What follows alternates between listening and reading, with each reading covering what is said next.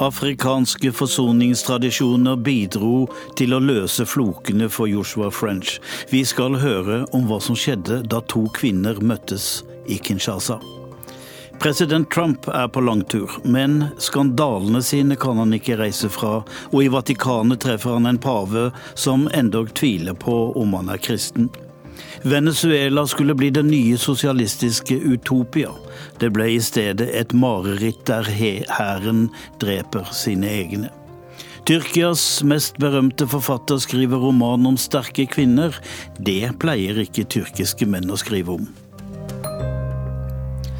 God formiddag, velkommen til Urix på lørdag. Jeg heter Tom Kristiansen, og vi skal også høre om de mer kuriøse sider ved innsettelsen av en ny fransk president. Korrespondentbrevet, det kommer fra London. Den drapsdømte Joshua French kom hjem på 17. mai. Statsministeren og utenriksministeren løftet landingen til en nasjonal begivenhet. Diplomaten og afrikakjenneren Arild Øyen hadde jobbet med dette i to år. Han skjøv til sist både folkerett, statsvitenskap og klassisk diplomati til side, og brukte afrikanske metoder i stedet, forsoning.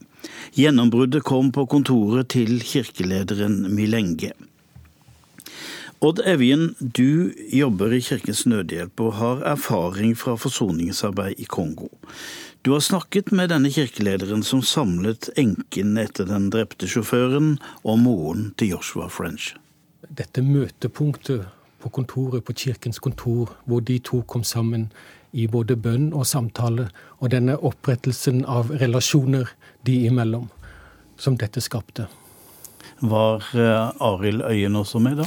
Ja, Arild Øyen var også med, og at, at en fra Utenriksdepartementet deltok i denne samlingen med bønn, med, med fellesskap, hvor en la til side på en måte alt annet og fokuserte på relasjonene. Og hva skjedde da? Han sier at dette var et vendepunkt i saken, hvor nettopp denne forsoning som skjedde eh, de imellom, mellom familier, mellom mennesker eh, Dette vi har hørt uttrykket ubuntu fra Sør-Afrika, så i ulike kontekster i Afrika, hvordan det slår igjennom at 'jeg er fordi du er'. Min verdighet er uløselig knyttet til din verdighet. Det var noe av dette som skjedde i det møtepunktet. Så forsones disse to kvinnene, og så utbetales det en erstatning. Ligger det i det at French på en måte har eh, akseptert at sønnen har begått et drap, som de jo har benektet? Nei, det ligger ikke eh, en, en, erkjennelse av skyld. Det ligger en, en, handling som viser omsorg, som viser empati, som forsterker, som bekrefter relasjonene i, i, i dette møtepunktet. Så det ble en Afrikaløsning på denne konflikten? På mange måter, ja. Jeg tror For å forstå dette, og forstå Kirkens eh, nærvær og, og, og rolle i et afrikansk kontekst, hvor viktig kirkenettverket er eh, Milenge sier til meg i dag at vi sto alle samlet. Katolske kirken, Frelsesarmeen, pinsebevegelsen. Alle var samlet om å ville finne en løsning på denne saken. Og disse har jo samlet sett sterke relasjoner inn i det politiske og, og i lederskapet i nasjonen de eh, har blitt imponert over Kari Hilde French.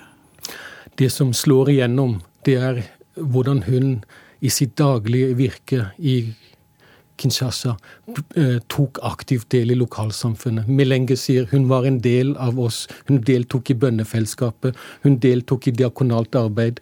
Hun viste omsorg for kongolesere, ikke bare for sin sønn, men for det, eh, kongoleserne rundt henne. Og de gjorde henne til en misjonær?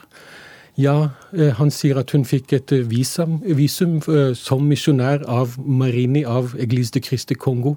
Og i, da i møtepunktet med det offisielle Kongos, denne statusen som misjonær, gjorde også dypt inntrykk på, på statsapparatet. Men samtidig som Moland og French ble tiltalt for drap i Kongo i 2009, utspant det seg et annet drama samme sted.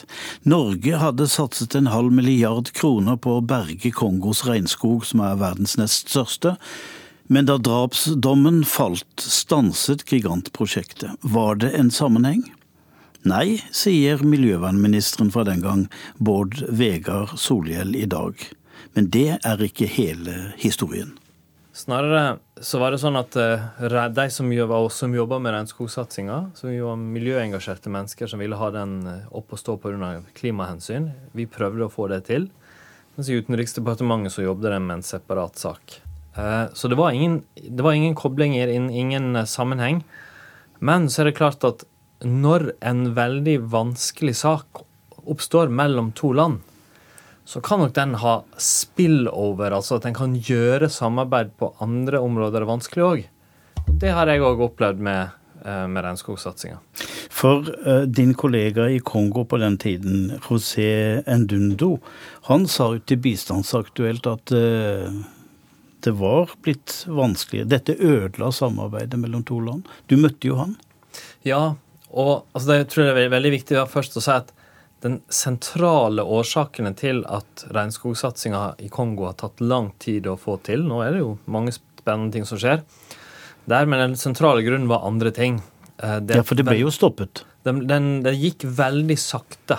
Og i forhold til det bl.a. jeg ønskte, å få det samarbeidet opp å stå. Det er et veldig eh, det er et eh, land med store styringsproblemer. Enorm korrupsjon men veldig vanskelig å få gode finansieringsmekanismer, altså banker og andre institusjoner man kan stole på. Og det er veldig dårlig utbygd eh, både næringsliv og sivilt samfunn, og det land som Brasil og Indonesia har tross alt i mye større grad. Men så tror jeg sant, det stemmer nok at f.eks. at i Utenriksdepartementet så Og, og, og det preger òg et land. det når, når, du har, når du har en så vanskelig og spesiell sak, to nordmenn sitter der, de får etter hvert en dødsdom så, bli, så, tror jeg det, det vanskeliggjør samarbeidet på andre felter òg. Og kanskje fra begge sider. Eh, man, man blir veldig mye oppmerksomheten knytta seg til den saken. Det blir vanskeligere å inngå en ny avtale. Det kan stå skepsis hvis det skulle gjøre det. Og kanskje oppstår det òg litt mer skepsis i begge land. Så jeg, jeg tror at regnskogsatsinga kanskje kanskje kunne gått litt raskere eh, hvis det ikke hadde vært for den saken. Men jeg har aldri opplevd en direkte kobling, og jeg er sikker på at det hadde vært vanskelig uansett. For det, de andre problemene, som de reelle problemene var langt større. Den store motstanden lå i virkeligheten. Altså at eh, ja, det var vanskelig å, med styresett å være trygg på korrupsjon og finne eh, fornuftige prosjekter å sette pengene i. Men kroppsspråket fra Utenriksdepartementet? Ja, så det er klart at De hadde sin oppmerksomhet retta på den saken her. Og det var en viktig sak for deg der andre ting var mindre viktig. Eh, jeg og andre som jobba med miljø, var mest opptatt av regnskogprosjektet. Men så for to år siden så ble det en satsing som mm. beløper seg til fram til 2020 mm. eh, halvannen milliard kroner. Og så blir French løslatt. Ja, det er riktig. og det, altså det er, for det første er det veldig bra at den satsinga kom opp og stå. Eh, eh Pga. kjempebra arbeid for alle de som jobber med regnskog der. Eh, jeg vil også skryte av de frivillige organisasjonene, Regnskogsfondet og andre som var tidlig inne i Kongo og har gjort mye bra. Eh, jeg tror det var hardt arbeid og et saklig gjennombrudd som slo gjennom da. Jeg har aldri hørt egentlig no, eh, noen spekulere i noe annet heller. Det, det, det, er klart, det jeg likevel, Hvis jeg skulle si en ting, så tror jeg at eh, når man inngår en avtale som er så stor om et felt, så kan det få òg en positiv dynamikk. Altså at Norge som land blir mer synlig, vi blir litt viktigere for Kongo. Jeg tviler på om det hadde liksom vært noen direkte kobling til det heller. Men igjen, det, jeg tror det kan faktisk ha virka positivt for, for dynamikken, da. Så eh, French ble ikke satt fri mot halvannen milliard regnskogsatsing? Jeg, har, jeg, jeg vet jo ikke, men jeg har aldri hørt noen hevde det. Og jeg føler meg helt sikker på at det ikke var noen direkte kobling. Jeg tror det er diplomaten Arild Øyens uh, utrettelige innsats og mange andre nordmenn som har jobba med den saken, uh, ikke minst familie, som står uh, bak den suksessen som nå har kommet. Dette er historien om to uh, vidløftige herrer som havner på vidvanke i Kongo og blir etterforsket og dømt for en meget alvorlig forbrytelse. Hvordan tror du denne historien ser ut fra kongolesisk side? Det er et godt spørsmål. Vi, vi ser jo alle med våre egne øyne. Og den saken her har jo blitt dekka med veldig norske øyne her i Norge. Eh, to, eh, To nordmenn som etter hvert får en dødsdom over seg, dramatisk. Den ene dør. Ja, Den blir dekka med stor sympati for det er en veldig vanskelig situasjon. Da er det kanskje nyttig å vite at det nok fra kongolesisk side ser veldig annerledes ut. To hvite menn som tar seg inn i landet med våpen og litt uklar begrunnelse. Uh, og der, uh, der uh, en sjåfør dør, hans kone og familie sitter igjen, og jo, sympatien nok naturlig er på deres side.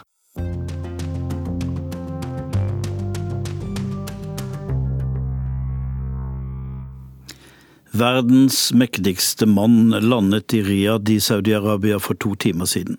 Men Donald Trump kan ikke løpe fra kaoset han skapte før han dro. I går kveld brakte New York Times nyheten om at Trump overfor Russlands utenriksminister Lavrov skal ha kalt tidligere FBI-sjef James Comey for en tulling. Samtidig innrømmet han å ha avsatt Comey pga. Av Russlands etterforskningen.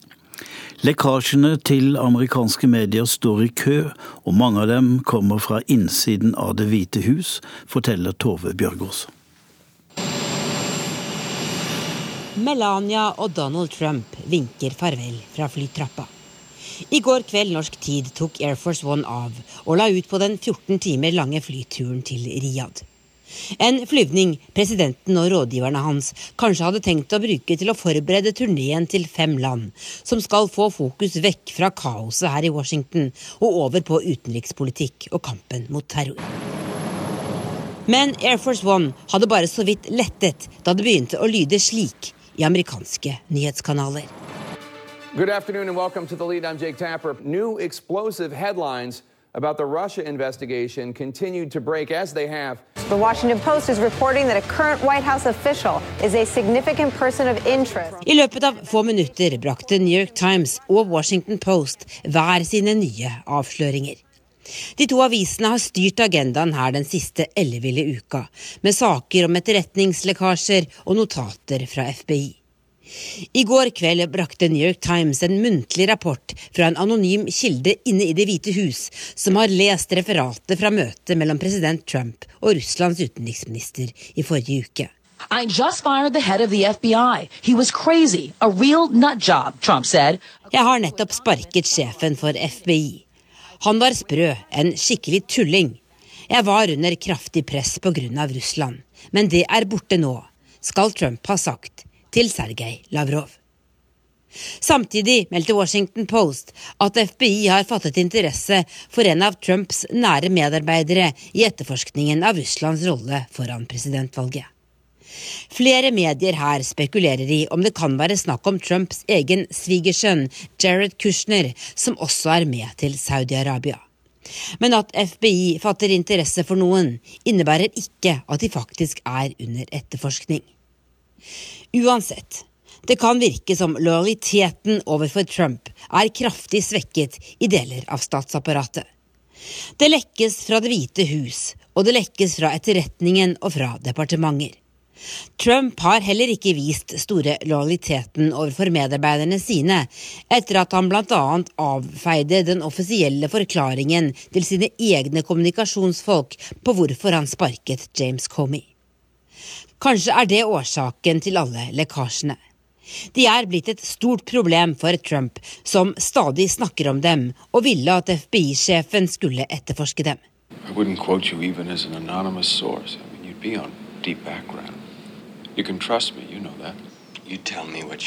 De fleste, også vi som knapt var født den gangen, husker Deep Throat. Kilden som ga Bob Woodward og Carl Bernstein i Washington Post informasjon som til slutt felte Richard Nixon. Deep Throat viste seg å være visedirektør i FBI, Mark Felt. Det ble først avslørt i 2005, 31 år etter Watergate.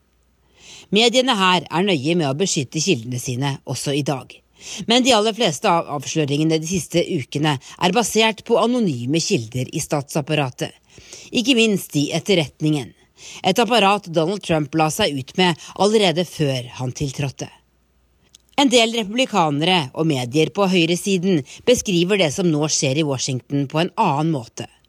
Som et opprør mot Trump fra de etablerte maktstrukturene i USA. Strukturene Steve Bannon og hans følgere kaller den dype staten. Trump har lovet å være en annerledes president. Det tåler ikke dette systemet, mener de. Men mange andre peker på at Trump har påført seg selv størst skade den siste uka. Han befinner seg allerede nede i et hull, men han fortsetter likevel å grave, sa en kommentator her i går. At USAs president trolig snakket dritt om sin øverste politimyndighet til Russlands utenriksminister, klinger dårlig som en overtyre til presidentens første utenlandsreise.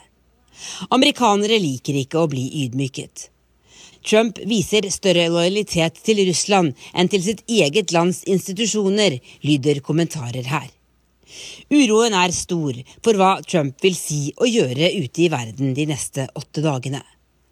Hva vil han si i sin store tale om islam i Saudi-Arabia i morgen? En tale mannen bak Trumps første innreiseforbud, Stephen Miller, har skrevet. Og hvordan vil han bli tatt imot i Israel, der etterretningen skal være svært opprørt over at han blåste deres opplysninger til russerne?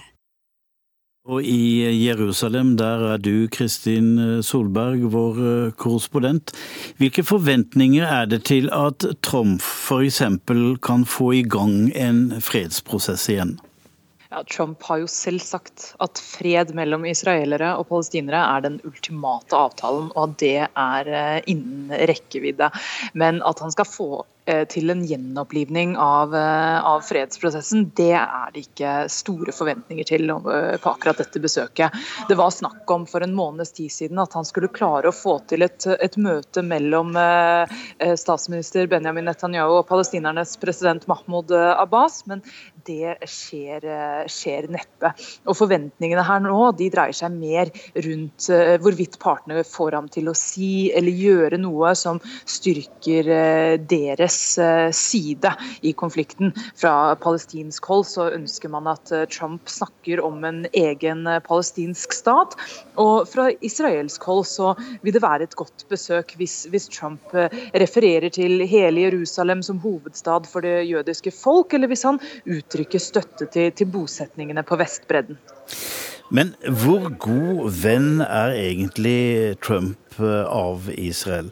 Altså Sist uke lekket han jo israelske etterretningshemmeligheter til Russland. Ja, Trump blir her sett på som en sterk støttespiller av, av høyresiden i uh, israelsk uh, politikk. Samtidig så blir han også sett på av noen som, som en litt løs uh, kanon. Og nettopp dette med etterretningsdelingen med Russland, det er nok i det minste i etterretningsmiljøet her sett på som ganske, ganske alvorlig.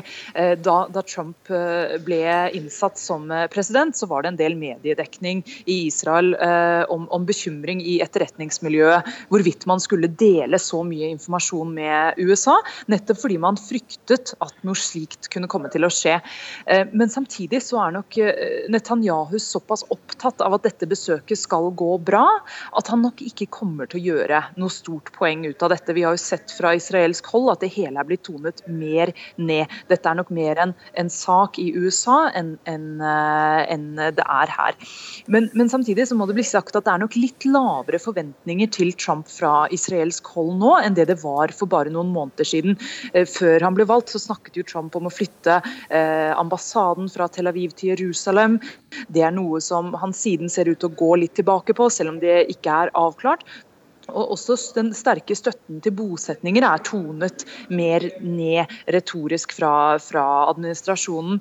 Eh, så generelt kan man nok si at forventningene til Trump på israelsk side er noe lavere nå enn da Trump ble innsatt som president, mens forventningene på palestinsk side er noe høyere.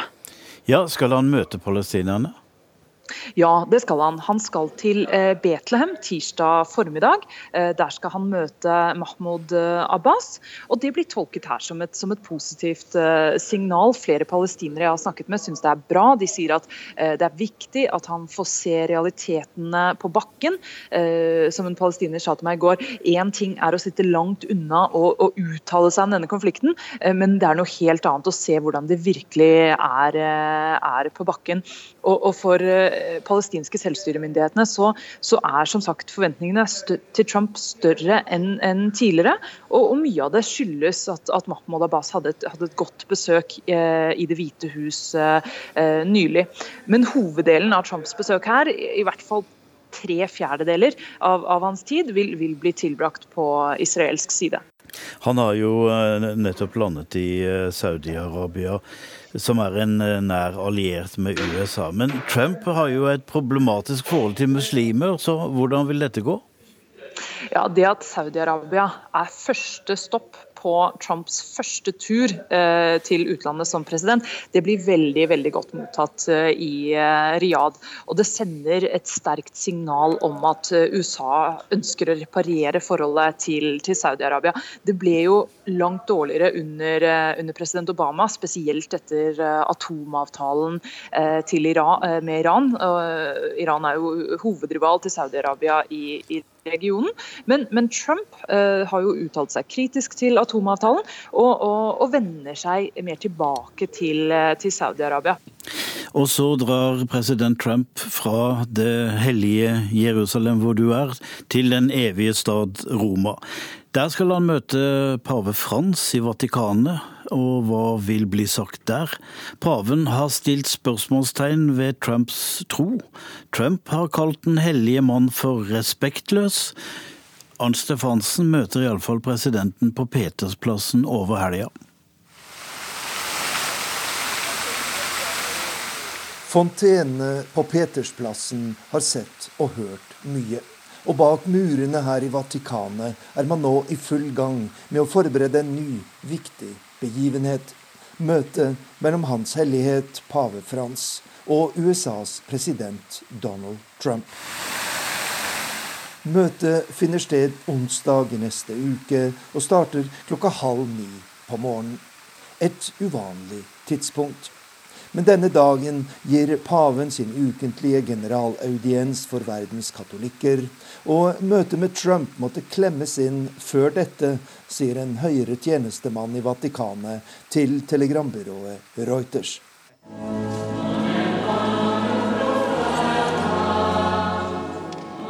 Vatikanet er verdens minste stat, og i så måte er det et møte mellom David og Goliat.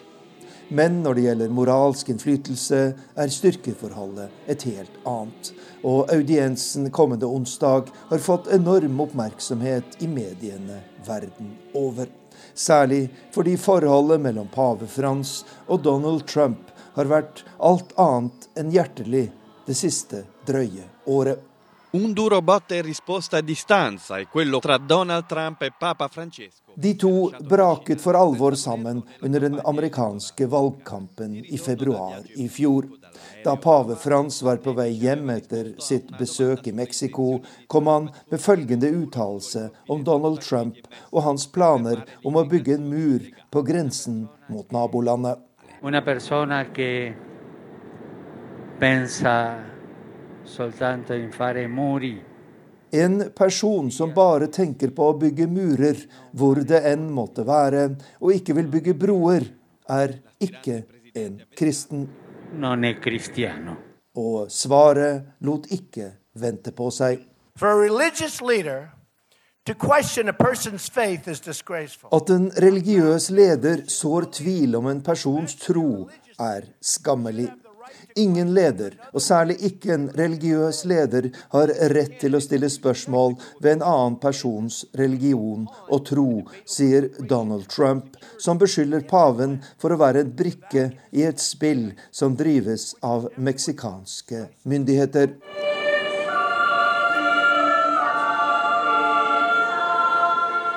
Etter at Donald Trump ble valgt til president, har kritikken fra Vatikanet blitt mer dempet.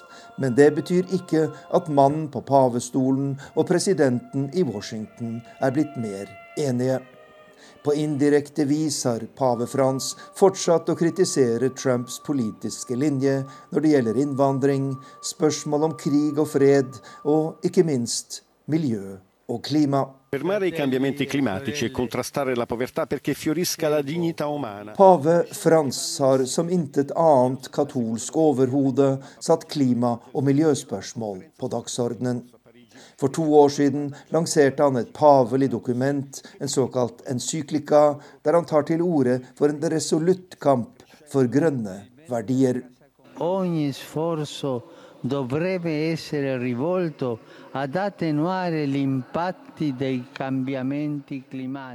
Alle krefter må settes inn for å motvirke klimaendringene som nå truer hele skaperverket, sier pave Frans, som altså er på kollisjonskurs med den amerikanske presidenten i dette spørsmålet.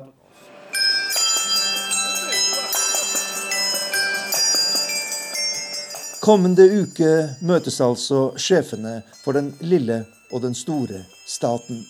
Men de som tror eller håper på munnhuggeri og skandale, blir med sikkerhet skuffet. Diplomati er noe annet enn friske uttalelser i mediene. Og selv om det er stor avstand mellom partene, som det heter, så håper pave Frans at møtet kan bli fruktbart. Sempre ci sono porte che non stanno chiuse. Det er alltid dører som ikke er lukket. Man må prøve å finne dører som i det minste er litt åpne. Så kan man gå inn, ta opp saker man begge er opptatt av, og fortsette derfra steg for steg. Fred lages for hånd.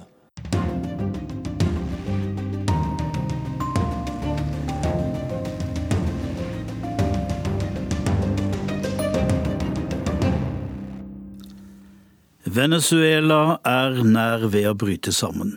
De siste ukene er minst 43 mennesker blitt drept i sammenstøt mellom opposisjonen og regjeringsstyrkene. Tross økende press nekter Nicola Maduro å gi fra seg makten. Det er han som etterfulgte Hugo Chávez. USA frykter at Venezuela kan bli det nye Syria, og har brakt konflikten inn for FNs sikkerhetsråd. Venezuela skulle bli det nye sosialistiske eventyret, men det venstreorienterte drømmesamfunnet er i stedet blitt et brutalt militærdiktatur, forteller Eirik Veum i denne reportasjen.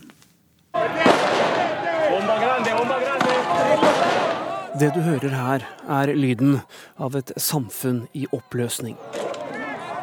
Dette er lyden av en nasjon som ødelegges innenfra, av et regime som bruker soldater mot sitt eget folk. Gjennom flere uker har Venezuela vært preget av bråk og uro. TV-skjermene viser bilder som minner om borgerkrigslignende tilstander. Det avfyres skudd. De dreper hverandre i det søramerikanske oljelandet. 45 mennesker har mistet livet de siste ukene. Landet som Christoffer Columbus kalte et paradis, med sine sandstrender ut mot det karibiske hav, er preget av kaos, død og lidelse. På den ene siden står sosialistregjeringens opprørsstyrker, soldatene til president Nicolas Maduro. De har uniformer, skuddsikre vester, hjelmer, gassmasker og våpen. I gatene møter de demonstrantene, de kaster brannbomber. Dette er Venezuela slik det ble et kaotisk, militært, venstreradikalt diktatur. Hun forteller hvordan matbutikken hennes ble stormet og plyndret. Det meste er borte. Siden alt er så dyrt, må folket stjele. Det er ingen som håndhever lov og orden. Staten er gjennomkorrupt. Det er lenge siden myndighetene mistet kontrollen. Venezuela er nå nummer to på den internasjonale drapsstatistikken. Hovedstaden Caracas er en av verdens farligste byer.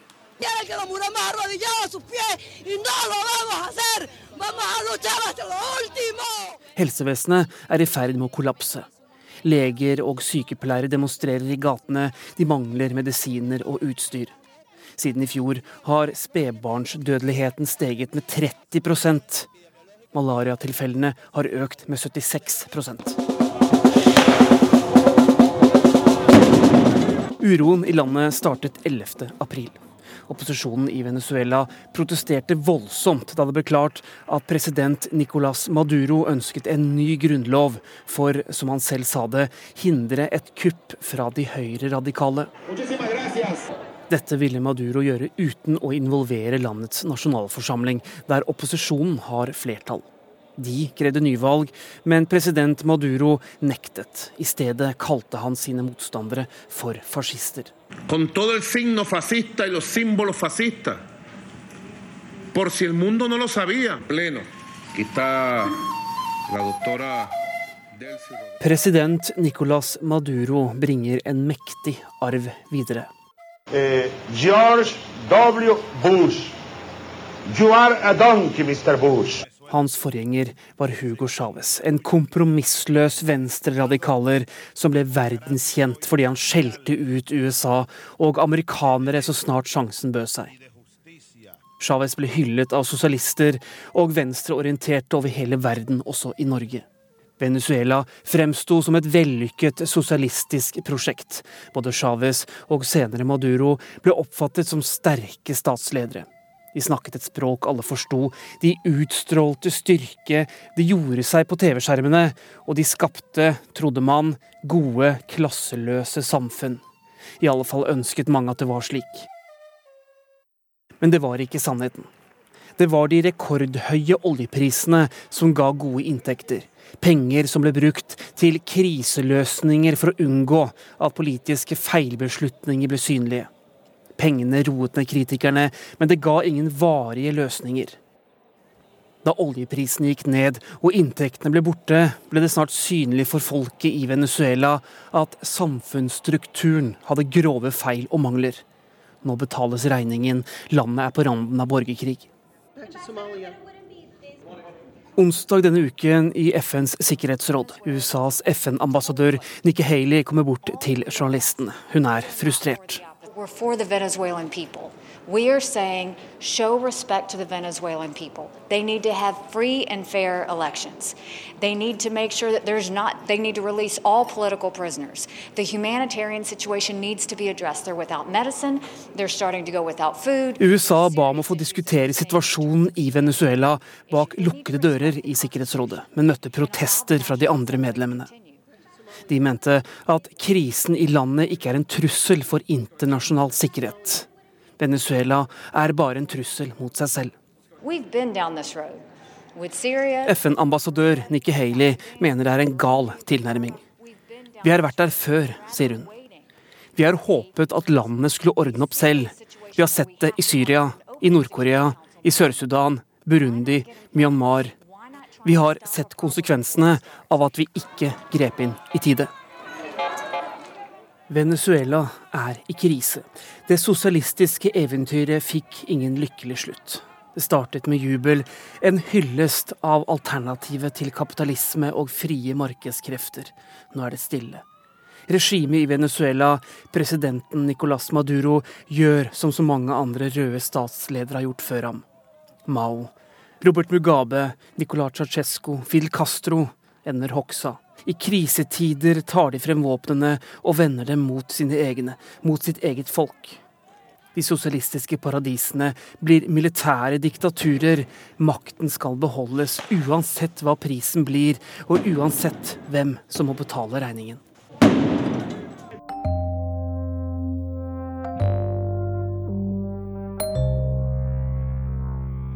Frankrike har fått ny president, ny regjering og har et svært viktig parlamentsvalg som venter i juni. Men hvor nyskapende Emmanuel Macron enn kan være, han ser ut til å like det seremonielle, og han slipper ikke unna det store spørsmålet alle franske presidenter må forholde seg til. Hva slags bil skal han kjøre ned Champs-Élysées? Det vet Sigurd Falkenberg Mikkelsen mye om. Den franske republikken sparte ikke på seg selv da makten skiftet hender sist helg. Det var salutter fra Hotell des Invalides, og på den andre siden av scenen marsjerte den nye presidenten Emmanuel Macron sakte, veldig sakte, opp til sin tidligere mentor og nå avtroppende president Francois Hollande. Alt ble tolket og analysert. Gestene, blikkene. De så hverandre ikke i øynene. Hva betyr det? Håndtrykkene. Måten Macron løp opp trappene på i flere steder av gangen, osv. Men den store hemmeligheten ble bevart helt til sist. Hva slags bil skulle den nye presidenten kjøre opp og ned Champs-Élysées, den franske paradegaten? Der den nye presidenten tradisjonen tro tenner en flamme på den ukjente soldats grav. Det står om store penger, prestisje og symboler. På vei opp viste den 39-årige nye presidenten både selvsikkerhet, men også behov for å markere seg gjennom å kjøre i en åpen militær kommandojeep. Politisk var dette et signal om at han tok sin rolle som øverste leder av de militære styrkene på alvor, og kanskje vil han også kompensere for en av sine svakere sider. Han er den første franske presidenten som ikke har avtjent den nå avskaffede verneplikten. På vei ned ble det en sivil bil. Det måtte selvfølgelig bli en fransk en, men hvilken og hva slags? En kabriolet som Sarkozy, en stasjonsvogn som Hollande. Det endte med en bil som ennå ikke er på markedet, en DS7 Crossback SUV.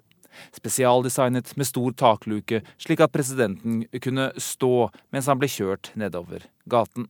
Vi er med andre ord et stykke unna 17. mai-togene som er unnagjort her til lands tidligere i uka. Tilfeldig at det ble en DS? Antagelig ikke. Aller først, DS er det yngste av de franske bilmerkene. Det var i begynnelsen en spin-off av Citroën og hentet sitt navn fra deres udødelige klassiker ved samme navn, DS. Bokstavene slått sammen uttales som ordet gudinne på fransk. I dag er det et luksusmerke som står på egne ben innenfor den ene av de to store bilprodusentene i Frankrike, PSA, som også produserer Citroën og Peugeot. Den andre store gruppen er Renault. Og i den politiske nasjonen Frankrike er ingenting uskyldig, og alt har en historie. Citroën er merket flest presidenter har brukt, fra de Gaulle og oppover, men ikke uten motstand. Den liberale Valérie Giscard d'Estaing foretrakk privateide Peugeot, mens sosialistene har hatt en svakhet for det fortsatt delvis statseide Renault. Mitterrand brukte en Renault 25 i begynnelsen, og de styrende kreftene innen partiet den gangen ble kjent som R25-gjengen. Mitterrand kjørte til og med en gang inn foran Élysée-palasset i den bitte lille Renault 5. Nå er det andre tider. For selv om Macron også brukte en Renault i valgkampen, mener avisen Le Monde å vite at det var lett for ham å droppe Renaulten nå som han er president. Han har visstnok et meget anstrengt forhold til den mektige lederen i Renault, som sammen med Nissan er en av verdens største bilprodusenter. Men selv om DS er et nytt merke, er det ikke ukjent med maktens korridorer. Avtroppende president Hollande brukte en hybrid stasjonsvogn fra DS, og de var tidlig ute med å tilby sin nye toppmodell til Macron. Dette er jo produktplassering av fremste sort. Ny president, Champs-Élysées, TV-dekning verden rundt. Det at det var en SUV, ble heller ikke forbigått i stillhet i Frankrike. For der som mange andre steder i verden er dette nå den mest populære bilmodellen, og den ses på både som en moderne og global biltype. Og det passer jo godt med det bildet som Macron har ønsket å tegne av seg selv i valgkampen. Så vil nok noen innenfor miljøbevegelsen, kanskje først og fremst hans nye og meget berømte miljøvernminister Nicolas Hulot, spørre seg hvorfor Macron ikke valgte en elektrisk bil for anledningen. Men det var nok verken det franske folk eller fransk bilindustri klare for.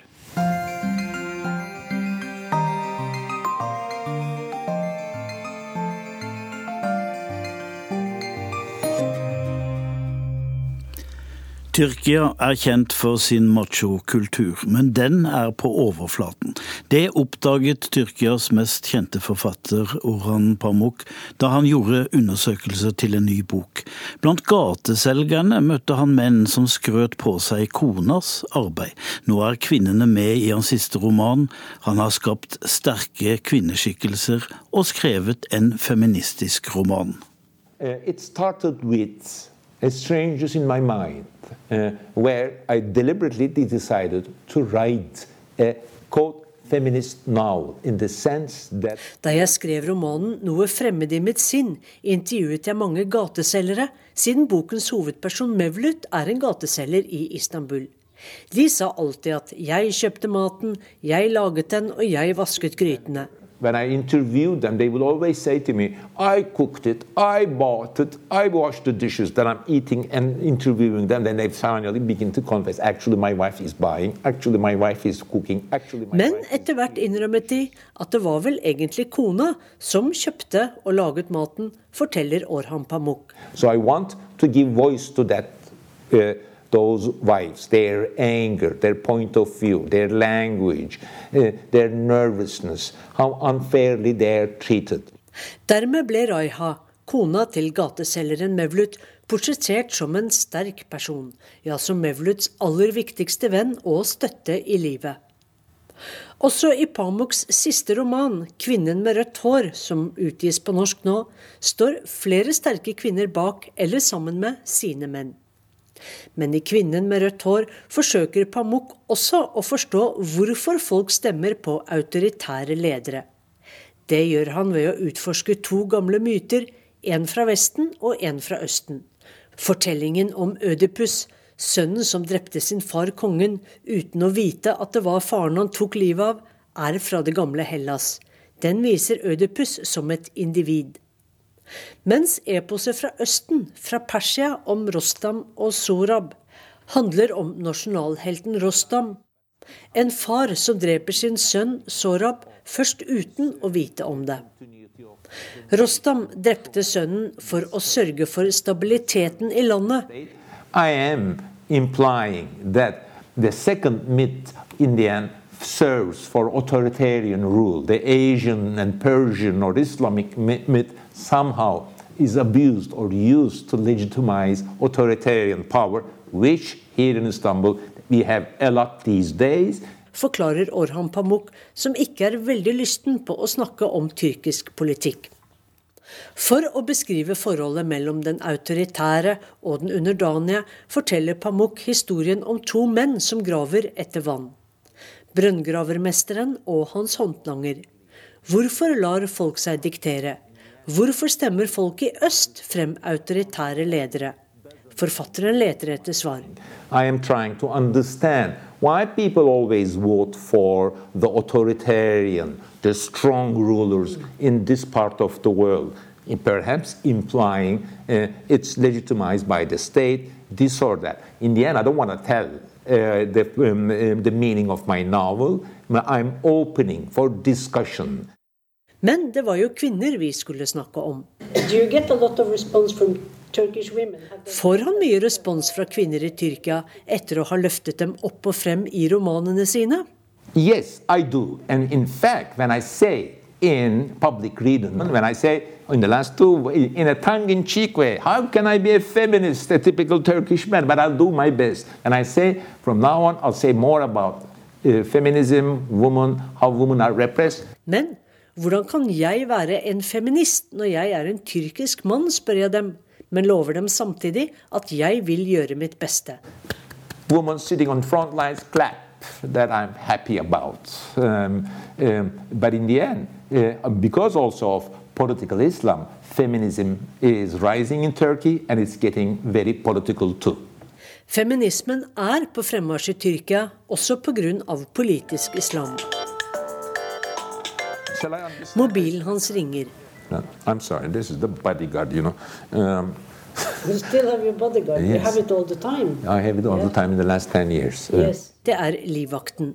At the beginning, I had three bodyguards. After Hrant Dink was killed, I had three I ti år fra da hans venn, den armenske journalisten Hrant Dink, ble skutt og drept på åpen gate, har Pamuk hatt livvakter. Først hadde han tre, nå har han én. Vi møter forfatteren i hans romslige skrivestue i Istanbul med spektakulær utsikt over Bosporosstredet, der vi ser både store tankbåter og travle ferger. På skrivebordet hans ser jeg en tettskrevet A4-notatblokk. Så det er sant, han skriver manusene sine for hånd. Med fyllepenn. Why should I be living a life looking at a computer all day, I I'm a happy person looking at a page on paper which looks nicer and more humane to me. But don't forget that I am a novelist, an old fashioned thing. Men viktigere enn om du skriver manus på tastatur eller med penn, er melodien i setningene. Hvordan ordene treffer lytteren, mener forfatteren, som fikk nobelprisen i litteratur i 2006. Uh, each day, my girlfriend comes from work, and I read what I write that day. And there I hear what I write. And I also pay attention to her face, which part she likes. Is her eyebrow going up? Is she happy? or is this not that well, she is not interested. So. Hver dag leser han det siste han har skrevet for kjæresten sin. Hun er temperaturmåleren. Og nok en sterk kvinne den berømte forfatteren lytter til. Sometimes you write only for the music, and you understand the music if you read it aloud. Whether it's computer or handwriting, it doesn't matter sa Orhan Pamuk til Sissel Wold. Til uken er han i Oslo for å åpne en utstilling basert på romanen 'Uskyldighetens museum'. Og da er vi framme ved ukens korrespondentbrev. Det er postlagt i London av Espen Aas, og det handler om tettere bånd mellom journalister og makten, eller omvendt. Er det én ting du sjelden sliter med som korrespondent i London, så er det invitasjoner til pressekonferanser, presseorienteringer og bakgrunnssamtaler med regjeringsapparatet. De kommer nemlig aldri. Jeg følte gjerne at presseorienteringer til Det internasjonale pressekorpset var litt som Loch Ness-monstre. Mange hadde hørt om at det fantes, men ingen hadde vært med på dem. Helt til jeg på en reportasjetur kom i prat med en veteran fra en av de største amerikanske avisene. Han hadde deltatt på ukentlige bakgrunnssamtaler i Downing Street, kunne han fortelle, men fortsatte klagende at det ble en slutt på dem i Tony Blairs regjeringstid, eller når det nå var. Den britiske presselobbyen får derimot slike orienteringer daglig. Spinndoktorene, eller talspersonene for statsministeren, forteller om dagens viktigste saker, og kanskje tipser de dem om dårlige saker hos opposisjonen. Så får presselobbyen stille spørsmål der svarene kan siteres en kilde nær statsministeren. Vi utenlandske journalister inviteres altså ikke på den slags, eller ble iallfall ikke invitert. Og kanskje er det ikke så rart. Utenlandske journalister er jo nærmest totalt uviktige for britiske politikere. De har ingenting å vinne på å snakke med tyske, danske, norske, svenske eller hva det nå måtte være av journalister. Vi ringer jo selvsagt og maser og vil ha svar på ting, vi også, men det løses lett med å ignorere oss. Unntatt når det kommer seilende et svar på en e-post en ukes tid etter at du trengte det. Men det er slik det er, og vi har bare måttet leve med det helt til et drøyt halvår etter utfallet av EU-avstemningen. Da virket det som om Downing Street plutselig hadde kommet på at det var en hel bråte utenlandske journalister i London, og flere av dem kom fra EU-land. Og nå forut for brexit-forhandlingene var det kanskje ikke så dumt å ha litt kontakt med disse likevel. Så derfor dukket det en ettermiddag opp en litt kryptisk e-post fra selveste Downing Street, med invitasjon til det de kalte en On the Record Number 10 Briefing, helt ute av det blå. Det sto ingenting om tema, men det var en briefing som det var lov å sitere fra. Tydeligvis er det noe stort på gang, tenkte jeg. Det måtte svares i løpet av noen få timer om jeg ville komme, og det var strenge retningslinjer for både dokumentasjon av identiteten og hvordan selve fremmøtet skulle skje. Jeg varslet redaksjonsledelsen hjemme og sa at her kunne nok litt av hvert skje. De inviterer da ikke utenlandske journalister som plutselig, hvis det ikke er store nyheter på gang. Jeg meldte sporenstreks min interesse overfor Downing Street, og klargjorde utstyr for både TV, radio og nett til dagen etter. Og det sto en lang rekke med utenlandske journalister og ventet utenfor det britiske utenriksdepartementet i King Charles Street, nabobygget til Downing Street. Det var her statsministerens kontor skulle fortelle hva som ventet. Vi eh, spekulerte i hva det var vi skulle få høre. De fleste regnet med at det hadde med brexit å gjøre. Kanskje kom en strategi for forhandlingene, kanskje skulle de iverksette artikkel 50, kanskje ville de ha enda en folkeavstemning om EU, eller var det noe så dramatisk som at Theresa May skulle gi seg? Ingen ante noe selvsagt. Da dørene omsider åpnet, ble vi sjekket opp og ned i mente, fikk våre besøkskort og ble skyflet inn i et stort rom med en mengde stoler plassert i rad og rekke. Jeg hadde vært i dette rommet en gang tidligere, da Downing Street skulle informere oss om det første irske statsbesøket i historien noen år tidligere. Men dette virket mye mer spennende, hva det nå kunne være.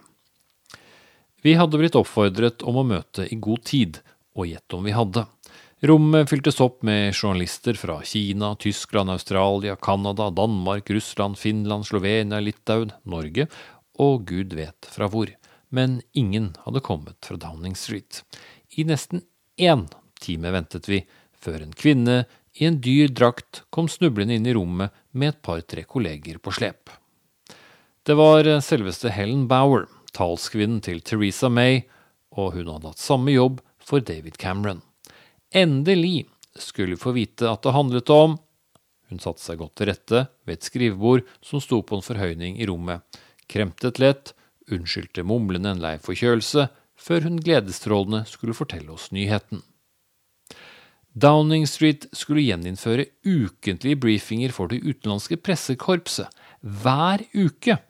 Vi kunne spørre om hva vi ville, faktisk, og hvis vi syntes det var noe å skrive om, så kunne vi bare gjøre det og vi kunne gjøre lydopptak av svarene, men de var forbudt å kringkaste. Det var kun for å sikre direkte sitater. Foto og filming var dessverre ikke tillatt, men ellers så var det bare å spørre, altså. Og vi fikk stilt noen halvhjertede spørsmål også om brexit og det varslede statsbesøket til Donald Trump, som hadde skapt så mye oppstyr og demonstrasjoner. Stort sett eh, svarte hun oss at eh, det er for tidlig å svare på nå, før hun etter en stund fortalte at hun skulle slutte i denne jobben, og at vi neste gang skulle få møte en av hennes kolleger i stedet. Det ble ingen ekstrasending på NRK av dette, eller egentlig noe som helst å rapportere hjem om, faktisk. Men om ikke annet var det opprettet et kontaktpunkt mellom spinndoktoren i Downing Street og oss utenlandske korrespondenter. Jeg valgte å komme uken etter også. Gang to ville vi nok få mer ut av møtet. Nå kommer vi jo forberedt. Både fra Downing Street og fra Det internasjonale pressekorpset. Det var en annen av de kjente spinndoktorene hos statsministeren som kom denne gang. En mann ved navn Greg Swift, og med tittelen nestkommanderende talsmann for statsministeren. Han var eh, kledd i mørk dress, hvit skjorte og blått slips. En noe tyntvoksende lugg forsøkte ennå å fylle sin funksjon over pannen, noen imponerende poser under øynene avslørte at det ikke alltid ble sovet så mye. Men lett henslengt oppe på podiet vinket han uten et ord båndopptakerne velkomment, før han annonserte at også han skulle slutte i jobben, orienterte om ukens viktigste hendelser, noe vi for øvrig allerede hadde fått tilsendt på e-post, og deretter åpnet han for spørsmål. Han ante ikke hvem noen av oss var, som han sa, så det var fint hvis vi kunne presentere oss med navn og publikasjon. Første spørsmål fikk australske Sydney Harolds utsendte. Han ville vite om den amerikanske president Trump skulle få lov til å snakke i Underhuset i Westminster når han kom på det noe kontroversielle statsbesøket senere i år.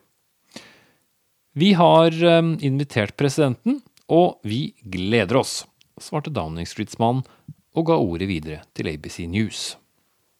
Var det mye motstand mot besøket, ville han vite. Vi gleder oss gjentok Downing Streets mann. Da en dansk reporter lurte på hvorfor regjeringen trodde det var så positivt å få president Donald Trump på statsbesøk så raskt, svarte Downing Streets mann at det var fint med besøk, og at Downing Street var innstilt på å gjøre besøket til en suksess. Det ble sukket forsiktig i stolradene bak meg, men folk ga ikke opp. Washington Post nå. Kan Trump eh, komme på besøk på dronningens slott Balmoral i Skottland hvis han har lyst? Vi kan ikke svare på noe praktisk nå, vi sier fra om den slags senere. Neste. En japansk journalist lurte på om hvorfor i alle dager de hadde invitert Donald Trump så tidlig i hans presidentgjerning. Det hadde jo aldri skjedd før. Det er um, ingen minstetid en president må ha sittet før han blir invitert, så det er ingenting å tenke på, svarte Downing Street. Blir eh, kona Ivana med? lurte en østeuropeisk journalist på. Vi har ingen slike detaljer nå, svarte statsministerens mann kort. Hva slags eh, type besøk skal han foreta seg når han først er her, lurte en annen journalist på. Vi har ingen slike detaljer klare nå, svarte Downing Streets mann til litt spredt latter. Og slik fortsatte det. Alt ble besvart med 'det kan vi svare på senere', 'vi har ingen detaljer nå', eller 'dette ser vi frem til'. Før det hele var over, og vi hadde brukt over en time ingen av oss egentlig hadde til disposisjon på å stille spørsmål vi ikke fikk svar på. Jeg eh, pleide noen ganger å more meg over mine kolleger som jobber i land som Kina og Russland, og hva slags snodige årlige pressebrifinger de ble invitert på av regimene sine. Det gjør jeg ikke lenger. Jeg takket ikke ja til flere av invitasjonene fra Downing Street heller, og da Theresa May annonserte nyvalg, så ble de uansett avviklet inntil videre. Statsministeren og hennes folk måtte bruke tid på valgkampen. Så nå bruker vi i det internasjonale pressekorpset heller tiden på å ikke få vite hvor hun og kollegene driver valgkamp så lenge. Dit inviteres kun de mediene som de liker, og iallfall ingen utenlandske. Teknisk ansvarlig for eh, Urix på lørdag har vært Hans Ole Hummelvold. Produsent Kari Bekken Larsen og i studio Tom Christiansen. Følg oss gjennom helgen, og neste uke følger våre korrespondenter president Trumps reise i Midtøsten og Europa. Og hver kveld ser du Urix på NRK2. Hør flere podkaster på nrk.no podkast.